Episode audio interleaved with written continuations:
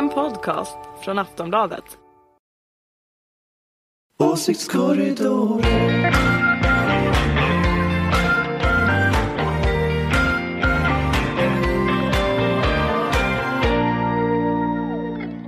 Jag älskar den där eh, signaturmelodin. Den är som en kram.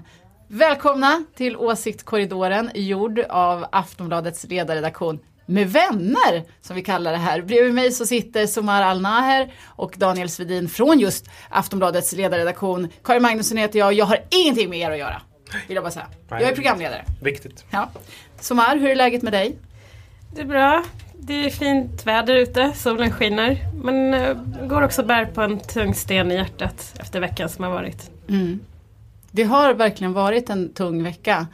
Sveriges Radios korrespondent Nils Horner mördades i Kabul när han var ute på jobb. Vi minns Nils Horner som en skicklig reporter med stor närvaro och säker känsla för vad han skulle vara och vilka han skulle prata med. Den här gången så kom två beväpnade män emellan och Nils Horners namn läggs till listan över journalister som fick betala ett alldeles för högt pris för att göra sitt jobb. Och som om det inte skulle räcka, i helgen så gick ett antal personer med kopplingar till det nazistiska Svenskarnas parti till attack mot demonstranter i Malmö. Flera skadades, två personer ligger fortfarande på sjukhus, en med allvarliga skallskador. Är det här en typ av våld som vi ska räkna med under ett valår, Daniel? Räkna med vet jag inte om man ska liksom tänka så men det är klart att vi märker ju att under valrörelser så blir liksom ett extremt våldsutövande blir allt mer vanligt. Det pratar Säpo om i sina analyser att under mellanvalsperioder så är det ganska låg aktivitet, lågintensiva krig mellan höger och vänsterextremister där man trakasserar varandra och sådär. Eh, Men under själva valåret så blir det mer ja, hög, hög volym på, på våldsamheterna så att säga och då kan även människor som inte är liksom indragna i de här konflikterna råka illa ut. Och eh, mycket tyder väl på att det kan bli så under den här valrörelsen. Men Somar, jag tänker på vad kan samhället göra i det här läget? Eh, Samhället kan göra väldigt mycket. För det första så måste vi ha en tydlig analys av, av nazistiska rörelsen. För den flyttar ju fram sina positioner. Och den har visat sig genom åren vara just livsfarlig med tanke på hur många mord och eh, misstänkta dråp som, som nazisterna har på sin på sin eh, lista liksom. och eh, det måste tas på allvar. Eh, och eh, här tycker jag att Säpo har ett större arbete att göra tillsammans med polisen. Eh, dels av signalvärde men dels också för vår säkerhet. Men vi som inte är Säpo då, vad, ska, vad, vad kan vi göra? Demonstrera. Nej men eh, det är klart att de här manifestationerna nu som kommer vara under helgen det är såklart det är jätteviktiga signaler. Det har varit en väldigt mycket, stor debatt om varför att vänstern och liberalerna och de, de borgerliga inte går i samma tåg. Vad- leder den här debatten till någonting eller är det bara massa tjafs? Daniel? Jag, jag tror inte att den leder någonstans faktiskt. Jag, jag tycker att det är ganska en märklig debatt vi har fått där man ska prata om vem som är den duktigaste demonstranten och att det samtidigt underliggande finns ett sånt skuldbeläggande mot de här offren i Malmö. Att de kanske var eh, vänsterextremister på något sätt och, och då blir det outtalat att de får skylla sig själva. Vi har en kille som ligger på sjukhus. När han vaknar upp så kommer han att mötas av eh, texter och liknande där han eh, mer eller mindre skuldbeläggs för sitt eget, sin egen olycka så att säga. Jag tycker att det är en jättekonstig diskussion. Men det är knappast alla som har skuldbelagt Nej, inte alla, men det, det, det har förekommit. Igår till exempel såg vi SVT Debatt. Eh, det var en jättekonstig diskussion just om det här där, liksom det vänsterextrema våldet som man absolut inte ska underskatta men att eh, det är det som är den stora liksom, faran nu för, för, för människor och så är det ju inte. Hörrni, en annan sak som har hänt i veckan är att regeringen berättar att de satsar 2,3 miljarder eh, för att eh, införa mindre klasser i lågstadiet. Det är väl jättebra? Soma, det här kan du inte ha några, det här, det här måste du ändå tycka är ett bra förslag. Det är det verkligen och det är bra för, eh, för skoleleverna. Det är inte där, eh, ja men precis, det är inte där problemet ligger, verkligen. Det här är, mm, nej, studenterna, eleverna är vinnarna. Men frågan är vad partierna håller på med. Hurra för alliansen säger Soma. Daniel, vad säger du? Det här var väl jättebra? 2,3 miljarder för mindre klasser i lågstadiet, för lågstadieeleverna. Ja, det är jättebra eh, såklart. Men det vi ser är ju någonstans en, att Moderaterna eh, säger rakt ut att vi kan inte vinna en debatt som handlar om skolan. Det tycker jag är roligt. Mm, debatten här har ju handlat om att eh, regeringen närmar sig Socialdemokraterna. Det här är ju en fråga som Socialdemokraterna har drivit. Men det här, gör det, spelar det någon roll? Det här är ju knappast en ideologisk fråga. Det handlar ju mer om organisations eh, det, är mer en fråga av organisationskaraktär som är. Men det är en ideologisk fråga. Alltså hur, eh, hur man eh, organiserar skolan, hur, eh, alltså vad lärarna ska göra, målen. Det är klart att det är i grunden, det handlar om politik. Och Socialdemokraterna har i och för sig varit lite rädda i frågan tidigare för att man har varit rädd för att bli anklagad för sin flumskola. Eh, men nu när eh, alliansregeringen har haft åtta år på sig och inte levererat några förändringar, snarare har skolresultaten försämrats. Och då har Socialdemokraterna fått eh, ett ökat självförtroende och gått framåt igen i, i, med skolförslagen.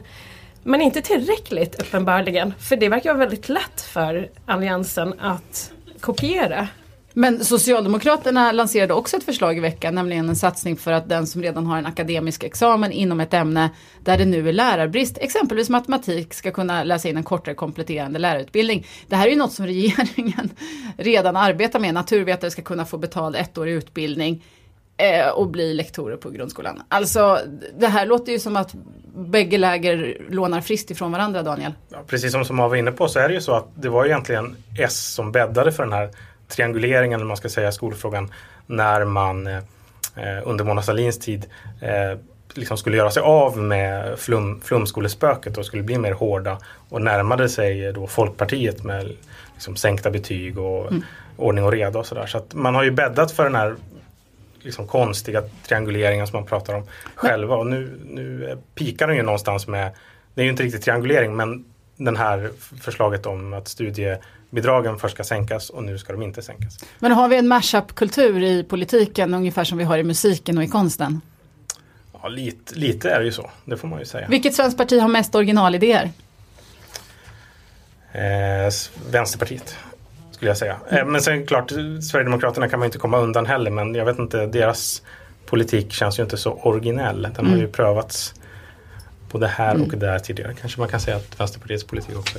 Hörrni, eh, den här tidningen Svensk Damtidning, en av mina favorittidningar. När jag ska koppla av så är det mitt förstahandsval. Eh, det sticker jag inte under stol med. Jag älskar bland annat deras rubriker. Jag minns speciellt med värme rubriken Panik i societeten. Och då var det eh, Kittys hattar som skulle läggas ner. Och eh, societetsdamerna visste inte vart de skulle köpa sina hattar längre. Det låter som jag eh, skämtar men jag, jag, ty jag, tycker den här är rolig. Också att deras milda elakheter är roliga att läsa. Och de kan vara ganska fördömande om Kate Middleton har på sig en för stark färg eller någonting. Den här veckan så har Svensk Damtidning fått väldigt mycket uppmärksamhet därför att de har stylat politikens prinsessor. Och den här veckan så är det ingen annan än Annie Lööf hon sitter här i en väldigt tjusig turkos blåsa och pratar om, ja hon gör en intervju om sitt yrkesliv och sin barnlängtan, sin barnlängtan och, och hur hon hanterar stressen som kommer med jobbet och sådär. Folk har blivit otroligt arga över den här, eh, folk på Twitter ska man säga, har blivit arga över det här och menar att Annie Lööf och de här kvinnorna låter sig förminskas. Det är inte bara Annie Lööf ska vi säga, utan sen är det en hel radda. Det är, är eh, Rosanna Dinamarca, Beatrice Ask, Karin Jämtin med flera. Är ni upprörda? Som är? Eh, ja, alltså. Det, för det första så tänker jag så här. Om man nu vill nå målgruppen kvinnor. Måste man Måste man, eh, måste man nå dem på det här sättet? Alltså, det, jag, jag, vet inte riktigt vad det är för syn man har också på kanske kvinnor som ska vara intresserade av politik. Alltså måste man liksom locka fram det via, det är möjligt. Men har du läst Svenska Damtidningen någon gång? Det, det, precis, nej men det är möjligt. Och det, det faller ingen skugga liksom över själva tidningen egentligen. Utan det, det är som politikerna som också ställer upp på det här. I, vad tänker de om är det, är det så man vill nå liksom också eh, kvinnorna? Är det därför man har ställt upp? Det är den, den frågan som jag undrar över. Men är inte det där en väldigt humorbefriad tolkning? Alltså de här kavajerna och foträta skorna har vi ju sett tills korna går hem. Det här är väl är det inte liksom mysigt att få möta politiker på ett lite nytt sätt som är? Du bara skakar på huvudet. Daniel, va? Eh, ja, jag vet inte. Jag, jag, jag tycker så här, Det har ju blivit en diskussion som du sa på Twitter då. Mm. Och då har det varit så här, vilka är det man ska skylla på? Är det Svensk Damtidning Mm. som har liksom lurat politikerna? Och det, alla som har läst Svensk Damtidning vet att ni kommer inte att bli lurade. Det, det är ganska tydligt vad, vad, vad de kommer Mm. göra för någonting. Vem tycker du, vem Eh. är det som ska avgå? Nej men alltså partiorganisationerna som med berått mod skickar in de här liksom kompetenta kvinnorna i en sån helt galen intervjusituation och fotografering. Eh, men det här är liksom supervarårets jävla dåndimp. liksom, ja, det Nästa gång är det rid på en gris. Okej. exakt. Det började med att man skulle sitta i terapisoffan. Uppföljningen var sätt på dig kvinnokläder, äh, prinsesskläder. Och tredje steget är rid på Jag kan säga, jag kommer läsa, jag kommer läsa om Rosanna Dinamarca och eh, Beatrice Ask också med behållning tror jag. Vad, vad skulle du säga? Nej men jag tänker så här att jag tror att det, anledningen till att det är känsligt är ju för att eh, vi inte har ett jämställt samhälle såklart. Alltså hade vi haft ett jämställt samhälle så hade det inte varit någon fara. Men när Göran Persson ville vara lite mer folklig och dansade med kossan Doris. Alltså det finns ju sådana exempel där man har gjort lite olika, ja men lite eh, roligare framträdanden, vad man ska kalla det för. Men i och med att vi inte har ett jämställt samhälle och eh, kvinnorna anses fortfarande vara eh, ja, men an, liksom inte riktigt helt representerade. Eh, så, så är det märkligt att man just måste lyfta fram att man är alltså det feminina. Frågan är varför man måste göra det. Men tror ni inte att väljarna klarar av detta? Det tror jag absolut att de gör.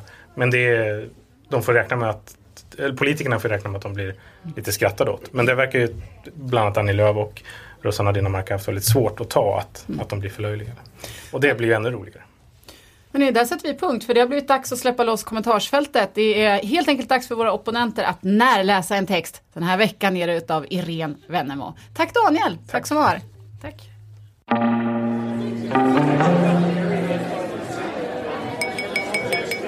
Hallå! Det är dags för kommentarsfältet nu. Kan alla vara tysta? Tack, tack. Det är det, det är dags för kommentarsfältet. Nu säger jag välkommen till de ständiga opponenterna Ulrika Schenström, konsult, moderat. Så kan man mycket kortfattat för presentera dig, eller hur? Så kan man göra. Torbjörn Nilsson, seniorskribent på utmärkta tidningen Fokus. Hej, hej. Hej hej, hur har veckan varit? senior. Ja, men, han är faktiskt senior, han är 33. Hur, hur har din vecka varit Torbjörn? Har det varit bra? Det har varit bra, mycket bra tack. Ja. Eh, jag har hänt spännande saker den här veckan ändå Ja. i politiken. Eh, spännande saker och mycket sorgliga saker Ja. också. Det har varit en ganska tung vecka Ulrika. Tung vecka. Ja. För vissa. Och obehagligt och läskigt. Och, Och- sen har vi ju flygplanet. Ja, som är Jag har blivit lite besatt av flygplanet faktiskt. Om det är spökflygplanet. Ja, eller vad har hänt? Har de skjutit Jag har ner fullständigt den... tappat den storyn. Jag vet att det är ett flygplan som är Hur löst. kan du någonstans. tappa den roligaste storyn? Eller mest tragiska kanske. Men Det är, för att jag... jag, har blivit lite besatt av den. ja, det är för att jag har gått och spänt mig lite för att Irene Wennemo ska bli opponerad på. Åh, Irene, hur känner du dig? ja, lite läskigt faktiskt. Ja, det tror jag det. Ja. Hörru, har du några sista ord innan vi ska lyssna på din text? Nej, det har jag faktiskt inte. Men, men det, det ska bli en upplevelse i alla fall. Vi kör, vi lyssnar. Det är inte lätt att driva sjukvård så att alla blir nöjda. Så länge det har funnits sjukvård har det klagats på att den varit antingen dyr eller dålig. Och ofta både och. Samma sak gäller skola och äldreomsorg. De allt tätare larmsignalerna måste dock tas på allvar. Nyligen presenterades boken Den stora omvandlingen som granskar välfärdsmarknaden. Boken visar hur Vårdval Stockholm inneburit att vårdcentralerna i fattiga förorter utarmats och att allt fler hamnar på överbelastade akutmottagningar. Samtidigt kunde vi läsa i Dagens Arena hur ägarna till de vårdcentraler som privatiserats för struntsummor har plockat ut miljonbelopp. Det är bara några exempel på följderna av ett gigantiskt marknadsexperiment. Stat, kommuner och landsting har lagt ut allt mer av verksamheterna på vinstdrivande bolag. De flesta såg inledningsvis de privata alternativen som en möjlighet för engagerad personal som tröttnat på att stångas med grå kommunbyråkrater. Eller som en öppning för att skapa brukarkooperativ för de som brann för en egen idé. Det vi fick var någonting helt annat. Stora riskkapitalägda bolag har ätit upp de små privata bolagen. För att vinna upphandlingar har det blivit viktigare med en stab välavlönade jurister som läser finstilta och vet hur man överklagar än att ha en bra verksamhet. Pengar har hamnat utomlands i komplicerade skatteupplägg eller cashats hem när verksamheten sålts vidare till ett allt högre belopp. Att äga privata vårdbolag eller skolor har sett som en lika bra affär som att äga tulpanlökar i 1600-talets Holland. Tulpanhandlarna trodde att efterfrågan på lökarna skulle vara i ständigt stigande. I Sverige verkar inte ha föresvävat direktörerna att medborgarnas efterfrågan på att göda bolagens miljardvinster skulle ta slut. Resultatet av jätteexperimentet har fått opinionen att svänga. Det parti som går till val på att inget behöver göras kommer att vara politiskt dött. När bolagen inser att de har blivit sittande med några skrumpnande tulpanlökar kommer de låta allt mer hjärtskärande. Politikerna kommer att pressas mellan bolagen och deras lobbyister å ena sidan och väljarna å den andra. Men det är faktiskt väljarna som röstar. Där tackar vi Martin Söderström för inläsningen och eh, Irene Wennemo för texten. Nu undrar jag, eh, Ulrika Schenström, håller du med om Irenes analys här? Jag ska ta liksom utgångspunkt här att när Irene skriver det parti som inte tror att något behöver göras kommer att vara politiskt dött så håller jag helt med Irene om detta. Så är det ju faktiskt. Däremot så tycker jag att den här texten med, med tanke på hur jag sett Irene genom åren så är den här ganska mycket mer än liksom eh, S-partsinlaga skulle man väl kunna säga och det märks att det är valrörelse så det är spännande. Eh, men låt mig börja i det här med vårdvalet. Alltså det finns ju olika typer av rapporter som visar olika saker. Du har ju valt att ta fram den här.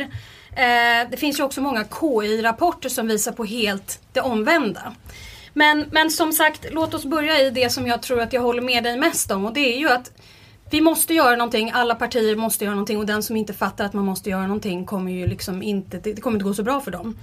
Eh, men samtidigt finns det ju faktiskt också en utredning som ligger nu som leds av Eva Lindström och som faktiskt visar på att man kanske måste göra någonting, liksom man har gjort med finansbolagen. Att man kanske måste titta på långsiktighet i, i riskkapital eller kortsiktighet. Man kanske också måste titta på, jag menar, har man en ledning så måste man kanske ha någon slags kontrollmekanism eh, för att se, är det här människor som vill göra den här verksamheten eller vill de bara tjäna pengar? Man kanske också måste titta, om man tittar på den här JB-konkursen, ni vet den här skolan, mm. så, så kanske man måste ha garantier och mekanismer som visar på att eleverna bara inte står där och har någonstans att gå.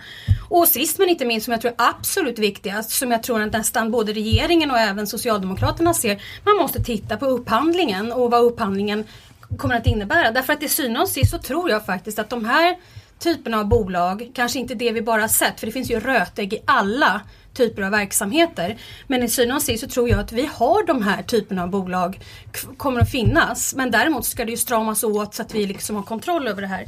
Och den som dessutom tänker så här, äh, nu ska vi ha en stopplag eller sådär. Jag är inte hundra på att det liksom är, mm. är okej vad gäller EU-rätten och att, att liksom lagrådet kommer att godkänna detta. Innan vi släpper loss eh, Torbjörn här så får, får Irene komma med en replik. Det låter ju som att ni, det var inte så illa det här. Den här opponeringen, det låter ju som att ni tycker ungefär likadant. Ja, det vet jag väl inte riktigt. Men, men jag, tror, alltså det, men det, jag tror verkligen det är så att alla politiska partier börjar fatta att oj, det här har hamnat. Alltså vi har hamnat någonstans där vi ingen trodde att vi skulle hamna.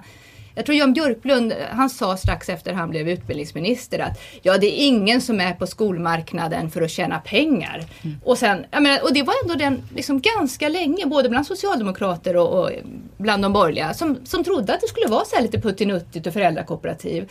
Och att det liksom egentligen inte fanns några pengar att tjäna. Mm. Eh, och det har ju funnits helt uppenbart ganska mycket pengar att tjäna och, och det handlar väldigt mycket om att, att bristande fantasi egentligen för vad man kan göra på den här marknaden. Mm. Absolut, men samtidigt så här, vi kan ju inte bara gå tillbaka. Jag tror att vi måste liksom sluta vara helt fokuserade på huvudmännen i de här frågorna. Utan kanske mer titta på hur kontrollerar man att kvalitet uppnås? Hur tittar man på att, att, att eh, liksom, de som arbetar där har rätt kompetens och så vidare. För att du kan inte gå tillbaka. Jag vet inte liksom vad kommer Socialdemokraterna göra som de gör i Stockholm till exempel. Att de kräver att, att man ska ta bort vårdvalet. Jag menar, vad har de att leverera istället? Mm. Nej men jag tror verkligen att alltså, det här kommer vara den politiken kommer handla oerhört mycket om de här frågorna framöver. Och jag, det, det, allting är ju komplicerat att göra men det kommer vara ett enormt tryck på att göra något. Jag menar, det här är ju en, en irritation över den här frågan finns ju långt in i borgerligheten. Jag menar, det är därför vi kan se att man börjar svänga vad gäller det här. Mm. Torbjörn Nilsson, dags att Ja, släppa in dig. Ja, jag tyckte framförallt eh, först här för att kommentera diskussionen att det var roligt att få höra före detta statssekreteraren Ulrika Schenström. Det är mycket utredningar och EU-rätt Det är och det. ja, det är komplicerad Det är den nya borgerliga business det här. linjen. Missa inte lagrådet. Lagrådet var också med. Ja, ja. Minsann. Nej men det, om texten så tycker jag, först så vill jag liksom ge lite positiv feedback och det, det skulle vara, jag gillar inledningen och slutet. Det är en lite fin ansats med det här med sjukvård, det är sjukt svårt. Och sen att det ändå slutar med att det är folk som eh, väljarna som, som bestämmer. En, Som, eh, det, man hör här, det är Schenström här står, står för den ideologiska opponerandet och du står för en text, Ja, men närläsning. det, det är sånt men, men sen speciellt. tycker jag att det finns en intressant, för nu är liksom ert samtal är en, en socialdemokrat och en moderat, det, det visar ganska mycket på liksom läget att här har det skett en jätteförskjutning ja. I, i, i opinionen. Och, och det kanske inte heller har blivit som man från början tänkte att, eh, men det är ju en politisk idé det här från början. Ibland i texten så tycker jag att du gör det till så här lobbyister, att det är den typen av dikotomi och det är det ju inte från början. Det är ju en, det är en politisk vision det här som, som har eh, omfamnats av ganska många eh, politiska partier. Det jag tycker är fascinerande är är att nu säger man så här, det har gått för långt. Vi måste liksom skruva tillbaks. Det skriver inte du exakt i texten men, men det är så jag liksom uppfattar Det är det hon menar. undertexten och det är så jag uppfattar mycket liksom runt om i samhälet. Jag fattar bara inte varför man måste skruva tillbaks nödvändigtvis. Alltså, men är inte det- inte det nej, nej, nej, jag är Nej, men nu vill vi höra, det här är intressant. Ja, ja, ja. Björn, yes! Okej vänta, Torbjörn får prata klart, Det sen får jag prata. Det Ja, finns Torbjörn. någonting spännande i svensk debatt där det är så att antingen så går vi rakt framåt och blir vi inte då nöjda då ska vi skruva tillbaks istället för typ så här Istället kan vi göra det på ett helt annat sätt? Är det någon som har Eller tänkt kan på vi- det? Eh, alltså det där var dåligt precis som det vi hade förut. Eh, det som vi har nu funkar inte och inte det som vi hade förut. Ska vi då göra på ett helt Fast, tredje fast sätt? är inte det där, alltså det är som att måla om en vägg fel. Man vill ju liksom måla tillbaka till samma gamla färg. Oftast, du målar ju inte en ny färg. Du är såhär, nej men det blev inget bra med blått, vi målar om till vitt igen. Jag är inte nervös nu för jag ska måla om ett rum i helgen. Det, det kommer ju gå åt Nej, men det, det är så, ja, Jag, jag vill bara liksom för att det är väldigt viktigt att komma ihåg här att det är inte så att inte alla partier nästan har insett detta. Jag såg Janne Björklund på TV häromdagen. Han pratar om långsiktigt, riskkapital och, det, och att man är ett kortsiktigt naturligtvis om det bara handlar om att tjäna pengar. Ja men det är därför jag tror att det är väldigt viktigt att titta på de här punkterna. Ska man ha ett långsiktigt eller kortsiktigt? Jag tror naturligtvis på ett långsiktigt. Ska man ha upphandlingsregler som ser över kompetensen på de som tar och har det här företaget? Ja men det är självklart. Alla fondbolag som tar hand om våra pengar har exakt de här typerna av regler. Men de här företagen har ju inte haft det. Och det beror ju på att vi har varit i ett skede där det här har varit en ny situation i Sverige. Och nu har vi kommit, de är här för att stanna. Låt oss då göra det bästa av situationen. Jo men alltså jag, det, det som jag kan bli mest förbryllad över det är ändå hur de här vårdbolagen och eh, skolbolagen och så vidare. De trodde, alltså de trodde verkligen att, att, det, att folket, svenska folket skulle tycka det var okej att de tjänar jättemycket pengar av våra skattepengar. Det är inte en marknad där vi konsumerar, vi köper de här varorna. Utan det är våra skattepengar som går dit. Och så visar de enorma vinster. Det kom senast igår tror jag, eller förrgår en ny vinstrapport. Och de liksom trodde att det här är bara bra, alla kommer gilla det här. Och jag menar, det, det problemet och har varit emot alla egentligen eh, regleringar av branschen. Och det är ganska märkligt, för jag menar, de har ju liksom sålt de här bolagen vidare till allt högre priser. Och att de inte själva trodde att det här är något, liksom, det här är något fel på den här marknaden, det här är inte långsiktigt hållbart, folk kommer bli förbannade. Kan jag faktiskt bli helt förbryllad över. Ja, men, och det tycker jag är fascinerande rent liksom spelpolitiskt så som den här frågan har utvecklats. För alltså det, det har ju funnits liksom kritik från vänsterpartihåll under, Ja. under lång tid och så vidare. Men, men i den mer liksom breda fåran så har ju inte det existerat. Och så har det kommit nu och så funderar man liksom var kommer den ifrån och det, det är naturligtvis liksom verkligheten och sådär i grunden. Men tittar man på de senaste fem årens mest utskällda svenska politiker, Håkan Juholt, och Ja. tittar på vad han sa och vad han drev för frågor, så var det exakt det han Ja. drev. Och nu sitter liksom Jan Björklund och Fredrik Ja. Reinfeldt och allihopa ska försöka liksom tråckla sig in i den där, ja men, men det hade- kanske har gått Jo lite men för faktum långt. är att det ju trots allt också finns Håkan en, Juholt, det, det, karln bakom det här. fortfarande finns, finns en, en teknikalitet här som är ganska intressant att man inte har tittat på från början. Och jag menar det, det kanske är nördigt liksom och, och, och liksom tidigare statssekreterarutskällningar här. Men det är viktigt att titta på teknik, teknikaliteterna i det här. Det handlar trots allt om upphandling och jag tror faktiskt att de partier som skrämmer lite för mycket med det här om man liksom börjar gapa på stopplagar och sånt där, de kommer liksom hamna fel sen. För då är EU-rätten viktig och då är lagrådet viktigt Torbjörn. Jag fattar. Nej men, jag, jag fattar. nej men det som är förbryllande det är ju att, att alltså, det, en styvson till mig gjorde en, en rapport för några år sedan om att det här med att det fanns riskkapitalbolag i vården och jag bara Ja de överdriver nog, ja, ja, det är väl bra att de gör den där rapporten men det kan ju inte vara sant, det måste vara helt marginellt. Och sen visar det sig att ja, men de har ju verkligen köpt upp bolag efter bolag. Alla små och medelstora bolag är nästan borta. Och det gick ju otroligt fort faktiskt. På, Får jag bara fråga en sak? Är det här verkligen, för, för, för väljarna och för liksom de som utnyttjar vården, är det här en relevant diskussion? Handlar inte bara om vem som, vilken vårdcentral som ger bäst, vart man får bäst vård? Jag undrar ifall det här är någonting som folk verkligen, om ägarformen egentligen är någonting som människor bryr sig om Irene. Nej men att pengar försvinner utomlands och inte går till det man har, liksom, det man vill att pengarna ska användas till. Och att, att, liksom, att man kanske var lite ineffektiv i vården, de tog kanske lite för långa fikaraster och så. Men det kunde vi leva med. Men det här med att pengar försvinner till, till riskkapitalister, det tycker folk är helt förskräckligt. Och det är verkligen ett, ett riktigt engagemang i den Fast tycker frågan. inte folk att det är också jätte, jätteförskräckligt om inte vården fungerar? Och Jo att- men alltså, det- dessutom kopplar man ihop, man kopplar ihop de här frågorna. Så att det finns ju, det kan man väl erkänna, det finns alltid en kritik om att vården kan bli bättre. Men samtidigt, att vården upplevs som dålig och samtidigt försvinner pengar. Det är just, den kombon är faktiskt, liksom, ja. går inte att försvara för någon. Nej men det, jag kan hålla med om att det kan kännas dåligt och sådär. Men det är ju därför att vi också har inte haft de här mekanismerna. Vi har inte haft några regler för de här företagen. Vi har inte varit med i det här landet om det här. Så att det är ju liksom, det är jätteviktigt att alla partier tar på sig att liksom titta på de här upphandlingsreglerna, långsiktigheten och så vidare. Men framförallt så tror jag att människor i syvende och sist faktiskt är väldigt mycket mer intresserade av att vården fungerar. Och jag tror just nu är vi inne i ett landskap där det är sådär, ja jag tycker nog att jag har fått ganska bra vård. Men det verkar inte som alla andra har den uppfattningen. Hörni, vi ska faktiskt släppa in våra vänner från politism snart också. Jag tänkte bara, eh, nu, den, du har fått den ideologiska eh, motståndet Och härifrån. byråkratiska den byråkratiska motståndet ifrån Ulrika Schenström. Äntligen! Och sen te- texten, textanalysen stod tårtan för här. Eh, kändes det okej? Ja men det var jätteroligt, verkligen. Ja, då så. Hoppas vi att du kommer tillbaka snart. Eh, och eh, ni också självklart Ulrika och eh, Torbjörn. Tack för att ni var med oss här idag. Tack själv! Tack. Ordet med politism. Då säger jag hej igen Margret Atladottir och eh, Erik Rosén, hjärnorna bakom politism. Hej, hej. Halloj! Halloj! Det är så jag tänker på er när jag ser er på jobbet, hjärnorna bakom politism. Hur har veckan trevligt. varit Margret?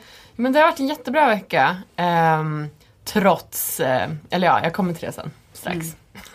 Erik? En mycket bra vecka skulle jag säga också. Den har varit eh, underhållande om inte annat. Ja. Och ni är här för att ni ska välja ett ord från veckans, Jajamän. veckans ord helt enkelt. Veckans ord. Berätta för mig, vad blev det? Alltså det är inget favoritord tyvärr. Eh, men veckans ord är ofrånkomligt avloppsrör.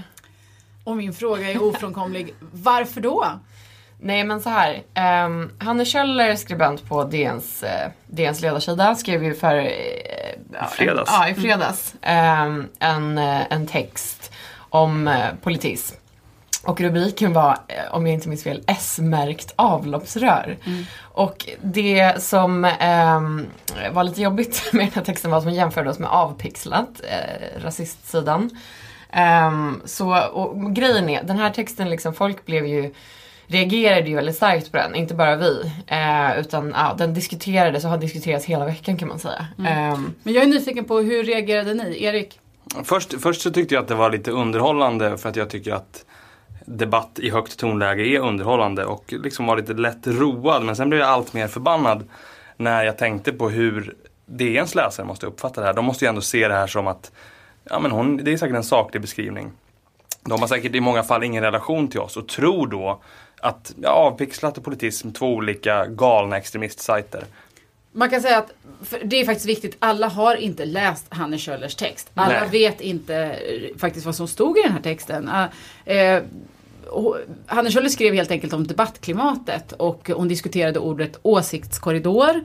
Och eh, hon tog som exempel eh, avpixlat och politism. Så kan man väl, om man ska bara ge en snabb resumé för någon som kanske inte har hängt med i det. Och hon Eh, skrev att, att vi var avloppsrör fyllda med skit. Ren skit skrev hon. Gud, titta vi har till och med kan den utantill nu. Men hon, och, men, ett exempel som man tog upp var till exempel hur du hade skrivit om, om eh, Jan Björklund. Att eh, du hade kallat Jan Björklund för löjlig. Har inte Kjöller en poäng i att det är, det är väl, är inte det grovt? Alltså, det kan man väl, man kan tycka att det är grovt om man vill. Jag tycker inte att det är så grovt. Jag, jag tycker att det är väl befogat. Eh, men det är ju också intressant att Hanne Kjöller som själv har, om man tittar vad hon har skrivit om andra så är epitetet löjlig någonting som hon har använt fler gånger än jag om politiker.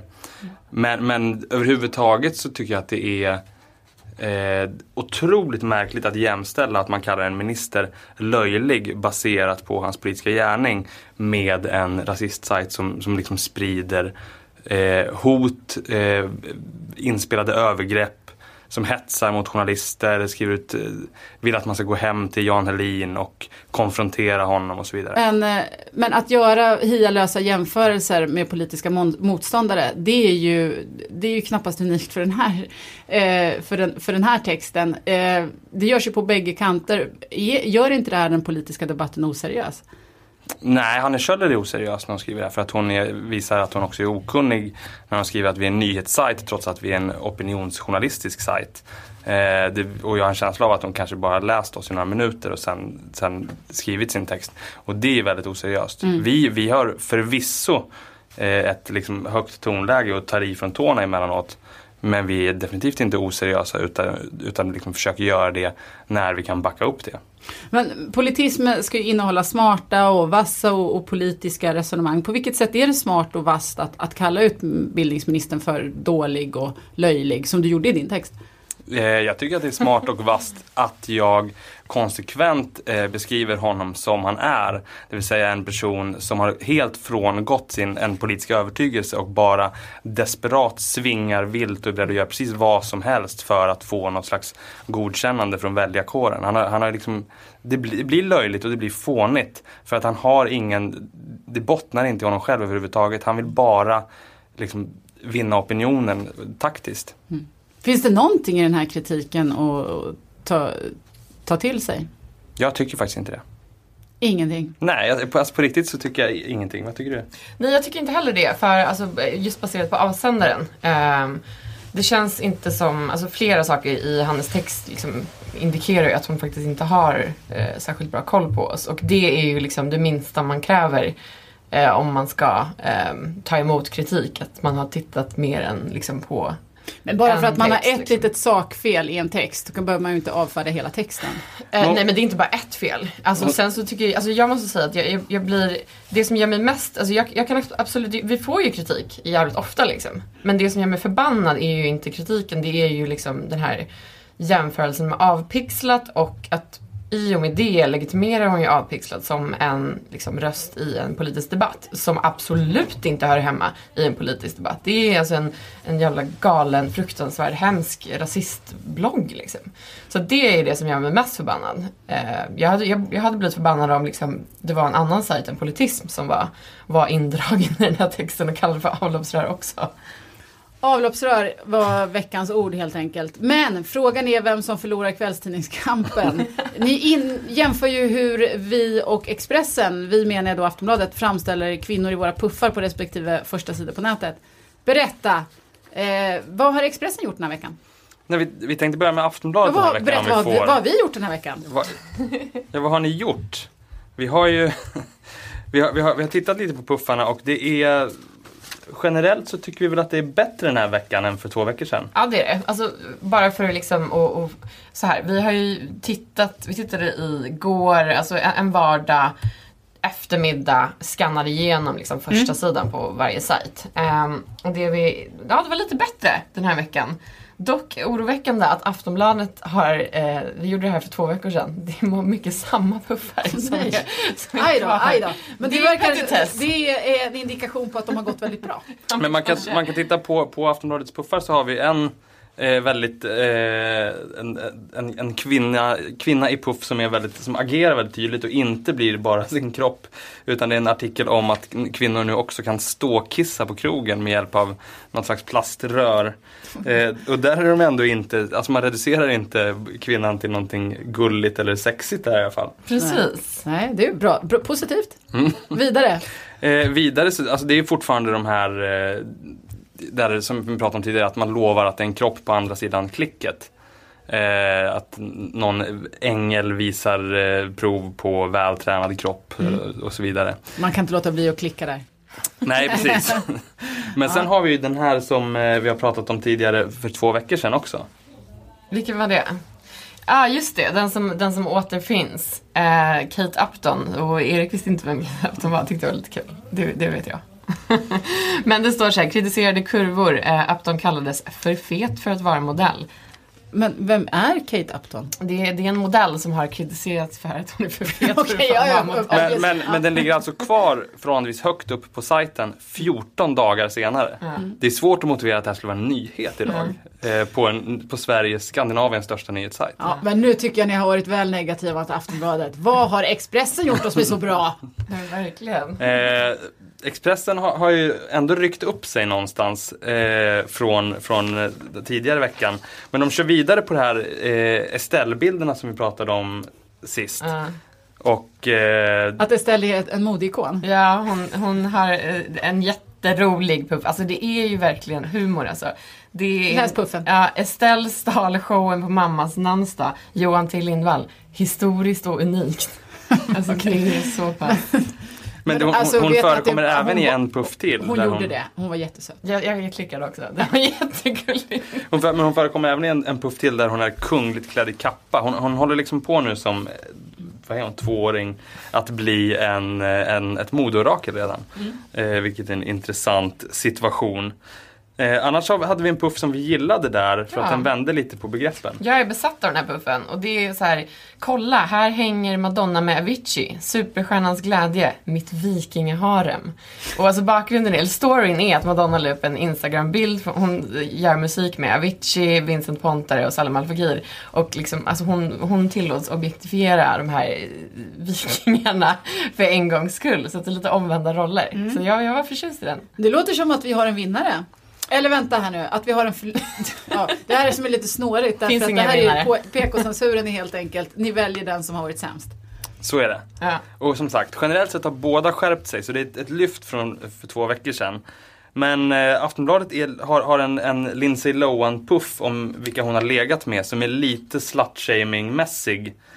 Som vi menar fäller avgörandet, eller hur? Ja precis, det är liksom, alltså man pushar på den här storyn att, att ett papper där en massa nedskrivna killnamn har upphittats och det, det, upp, det uppges vara Lindsay Lohans ligglista och det är liksom Skulle omskakat Hollywood. Ja, det är så konstigt. Och om Men- man klickar så ser man också att källorna är ju katastrof. Ja. Okej, så Lindsay Lohans ligglista, den var... eh, Det, det fällde avgörandet. Ja, alltså Aftonbladet förlorare. Och det är därmed 1-1 i PK-granskningsnämndens eh, fällanden och eh, göranden. Ja, ja, jag får ta med mig detta ner till desken helt enkelt. Tusen tack för idag Erik och Margret. Eh, tusen tack eh, säger jag till Patrik Syk som har producerat. Karin Magnusson heter jag. Åsiktskorridoren är tillbaka om ungefär två veckor. Håll utkik efter oss. Åsiktskorridoren